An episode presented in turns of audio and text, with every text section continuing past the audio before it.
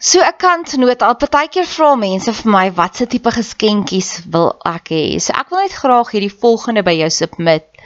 Indien my podcast enigsins vir jou lekker is,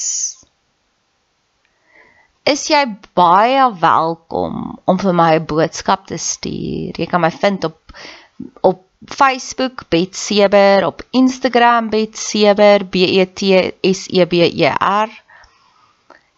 En ek sal met liefde as jy wil my bederf, sal ek met die grootste liefde vir jou details gee. Daar kan jy vir my koffie koop en dan doen ek 'n shout-out vir jou.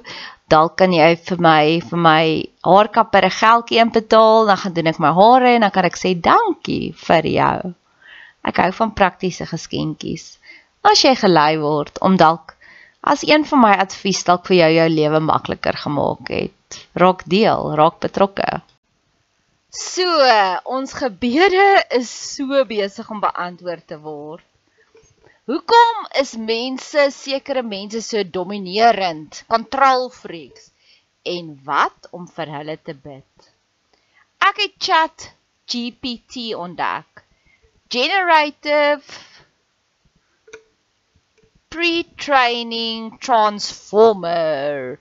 En jy kan letterlik, jy kan dit gratis download en dan elke dagie kan jy 3 vragies vra. Alhoewel hulle my vandag gecheat het moet ek wel sê. En ek net twee vrae gekry het. Bly ek nog steeds lief vir jou chat GPT? So my eerste vragie aan dit was: Hoekom, waar is hy nou? Hou net gou so oombliekie aan. Hoekom is sekere mense so verskriklik demanding? Die eerste rede is te hoë verwagting. Some people might have high expectations of themselves and others. They may, may feel that they deserve certain levels of service or quality and they demand it.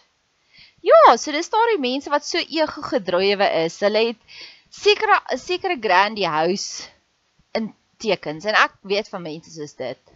Ek weet van die patriarg in my lewe wat verwag het hy moet die alfa en die omega wees, maar hy is bereid om net die krummels van sy tafel af te gee. En waar ons verhouding regtig waar professioneel skripbreek gelei het en ek ek gebruik die term professioneel want ek het professionele mense ingehark om te sê hoor hier dis wat aangaan dis wat ek doen wat nou? En uit verlede jaar het hy vir my probeer voorsê en ek is 40 waar moet ek met vakansie gaan saam met wie en ek sê dude rarig dink jy rarig ek gaan dit enable Dink jy dink jy regtig ek is so dom? Dink jy regtig ek is so deurmat? Insecurity, dis die volgende een. In some cases, demanding behavior may be a result of insecurity. Someone who is not confident in themselves may feel a need to assert control and demand more from others to feel better about themselves. So dis die hoofkategorie. Die oomblik as hulle so 'n bietjie vir jou sê wat moet jy doen met hulle met jou lewe, dan voel hulle vir 'n oomblik okay. Dis waar baie mense inval. Hulle het so 'n lae selfwaarde. Wees lief vir jouself net soos vir jou naaste. So ek het gesê ons gaan gebedsriglyne gee so vir die patriarg in my lewe. Here, as ek bang want ek weet dit wat jy vir iemand anders bid moet jy bereid wees om self te vat. So ek wil eers vir hom sê dat u die duiwel uitgeskop as gevolg van hoogmoed. Maar nou weet ek as ek dit vir hom gaan bid, moet ek bereid wees om dit vir myself te vat. So Here, so gently soos u vir my al gewys het en so gently soos wat u al vir my humble pie gegee het, gee dit vir hom ook gently. Of wag, refrees. U praat met my gently want ek luister gently. Praat met hom in 'n taal wat hy kan verstaan. Haha. Ek het verlede jaar 'n Karel uitgetrap omdat hy was laat. En ek wil sê man, jou tyd verklap jou prioriteite. En as jy laat is vir my, sê dit vir my ek is nie 'n prioriteit in jou lewe nie. En 'n week later het ek my hare gaan doen in die haarkapper het so 'n bietjie te veel afgebyt en toe moes ek vir hom 'n humble boodskap stuur om te sê ek is so jammer. ek besef nou soms is daar dinge buite ons beheer. En dit was 'n humble les en ons het daaroor gelag. En dit was cute. Mense met 'n lae selfbeeld, Here leer hulle ook. Ek het op die Artist Way gegaan voor verlede jaar en hoe baie ek daar vir myself geleer het, gaan my verstand te bowe. Julle Here vat hulle op hulle eie unieke aardes wys sodat ek nie daarmee hoef te deel nie. Want die probleem is as iemand demanding is met ons, dan moet ons eers 'n bietjie weer terugkom na die troll toe. En, in en ek wil net die hele tyd vir die Here prys gesange sing. Dis wat ek wil wees. Dawid het vir mense aangestel in die tempel om net die hele dag prysgesange te sing vir Israel. En dis die tipe wêreld wat ek wil skep. Ek wil hê my lewe moet so perfek wees dat ek oor niks hoef te kla nie, dat ek net vir die Here kan sê hoe amazing is hy. En dis hoekom ek so hard bid vir hierdie mense. En gelukkig weet ek beide van hulle het al 'n reaksie getoon. Die volgende een is perfeksionisme. Wat hulle sê party mense is net so so oordominerend wat hulle lei aan perfeksionisme. Nou perfeksionisme is ook gebo gebore uit 'n lae selfbeeld uit. So ek weet as ons sommer die ons het sommer klare blanket prayer daarop. Control Some people may feel a need to control situations or people around them. They may use the morning behavior as a way to assert control and get what they want. Ja, so dis ook maar net weer eens hoogmoed.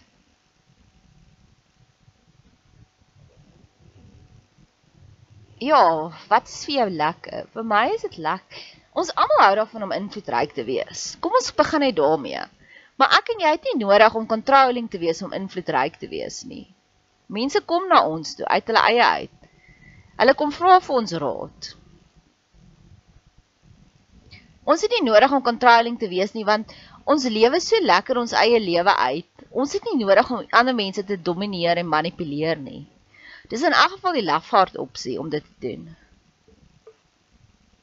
En dan die laaste rede wat volgens chat GPT wat hulle sê is dat die mense is net swak kommunikeerders en daarmee stem ek ook saam.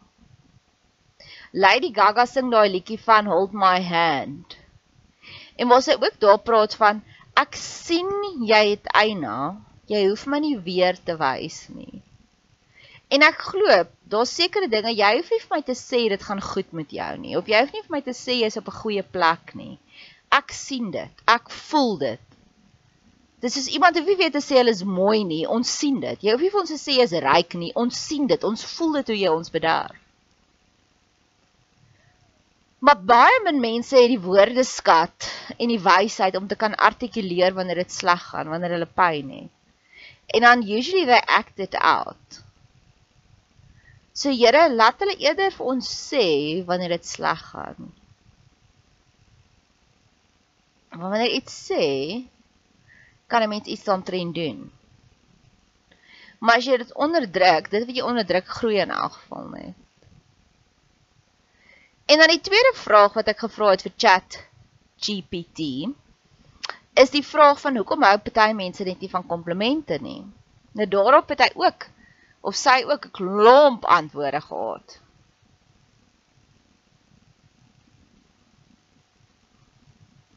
Weereens insecurity.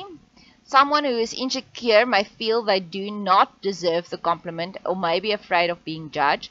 They may not believe that they are worthy of the praise. So ja. Dis die een maar ek weet vir die mense wie ek dit bid, hy's nie insecure nie. Attention. Some for some people Receiving compliments might draw uncomfortable levels of attention to themselves, which they may find uncomfortable or may feel that it isn't appropriate. So ek dink sy probleem is verseker aandag. Hy het tog nooit gesonde aandag gehad nie. Hy het tog nooit opbouende aandag gehad nie. So Here leer hom dat daar is goeie aandag ook. Leer hom dit. Nederigheid yeah, there are individuals who have a very humble personality type and may not be comfortable with the attention from others. They may not want to seem arrogant or boastful even if they're aware of their strengths. Ek stem ook heeltemal saam daarmee nie. Nederige mense hou nog steeds van 'n kompliment. Hulle is so nederig, hulle sal nie vir jou sê hou om my komplimente te gee nie. Hierdie is ook verseker een. Previous experiences. In some cases, someone may have had negative experience with compliments in the past where somebody has given them under false pretensions or ulterior motives. Ek stem saam daarmee. Ek weet ja, dat dit is ook sy verwysingsraamwerk. So Here, genees hom eers van sy PTSD wat hy kan sien dat daar is nodig vir opbouende woorde. En tweede van alles, laat hom sien dat my intensies is so rein, maar ek dink hy doen al reeds. Hier is nou maar net die finale ou genesingkie. Culture. In some cultures, compliments are not given freely or maybe seem disrespectful. This can create discomfort when receiving compliments, even if the individual appreciates the sentiment. Daai is die waarheid. Hy is in 'n opvoedkundige rol. So wat vir my so cute is want hy's baie vrylik om vir my komplimente te gee, maar ek mag niks komplimente vir hom teruggee nie. Ek dink net dis omdat hy so krities is oor homself en oor die mense rondom hom. Ek dink hy het so 'n bietjie van 'n hoogmoed probleem dat hy dink net hy kan komplimente gee. of omdat hy so ge, ge, gewoond is daaraan om die probleme uit te soek in almal anders se lewens. Ai ja. Sodat dit dalk net 'n kultuur ding is.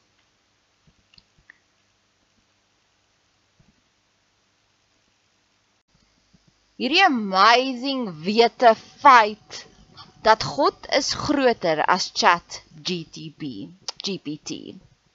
Want verlede week het ek een van my magical 3 wishes wat ek het op Chat GPT gebruik vir 'n vriend van my wat ek weet wat in 'n toksiese verhouding is. En ek het gesê, "How do you convince somebody that they are in an emotionally abusive relationship?" En Chat GPT het teruggekom en gesê, "It is very difficult." En hulle het so hier en daar 'n fluffy fair fudge um tipe van spook awesome idee gegee, maar nothing with substance. En gister het ek hierdie tannie gehad by my werk en ek kan sien sy's 'n supreme, par excellence control freak. En wanneer jy dinge so seriously kontrol, los jy niks in God se hande nie. So jy gaan nie magic kry nie. En ek het besef dis die antwoord. Gee dit in God se hande. Here, ek bid nou vir elke mens wat vasgevang is in een of ander emotionally abusive verhouding. Laat hulle tot insig kom. Laat hulle besluit dis makliker om uit daai gat uit te klim. Dis lekkerder, al is dit nie makliker nie net soos wat U vir my gelei het. Dat ek besef het ek's meer werd as dit. Ek lê nou daardie persoon voor U voete neer. En ek gaan popcorn maak. Ek gaan springmielie spring. Want ek weet ek gaan binnekort 'n getuienis daaroor hê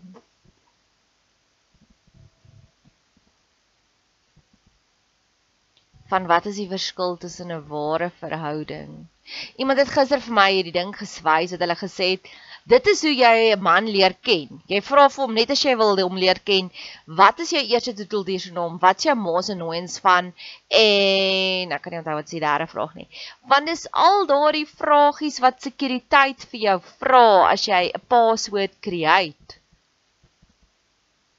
En ons lag daaroor want ons besef hierdie persoon is toksies as hulle vir jou daai vrae vra. En ek wou dit amper vir iemand deurstuur wat ek weet wat baie erg sukkel met vertrouens-issues om te sê, "Kyk, dude, jy kan my vertrou." Hierdie is tekens van wanneer iemand nie, nie iemand anders kan vertrou nie, want ek besef hy was al so vasgevang in soveel toksiese verhoudings dat wanneer the real thing is presented to him op 'n silwer platter met 'n goue stryk om dit hom bang maak.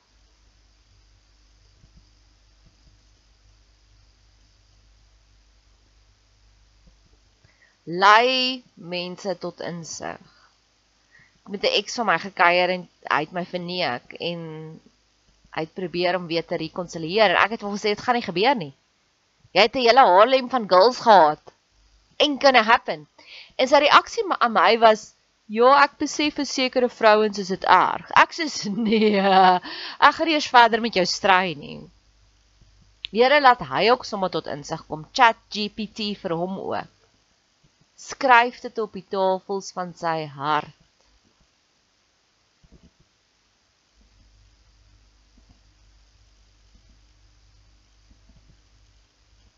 Want gebed is makliker as Chat GPT. En ek bid ook vir almal wat collateral damage gehad het. Wat getref is deur ricochet bullets omdat iemand so vasgevang is in een of ander emotional toxic relationship en dan daar's daai quote wat jy sê if you don't heal what's bleeding you'll bleed all over those that didn't cut you. En ek, ek het dit al gevoel en ek weet ook dat hierdie persoon vir wie ek nou bid, die persoon in sy lewe voel dit ook genees dit ook sommer Here vir ons. Sodat ons nog meer kan bid vir daardie mense. En dat ons sommer vir die abusers ook kan bid. Want mense deel net uit dit wat hulle ontvang het. Leer hulle van ware liefde Here chat GPT hulle ook sommer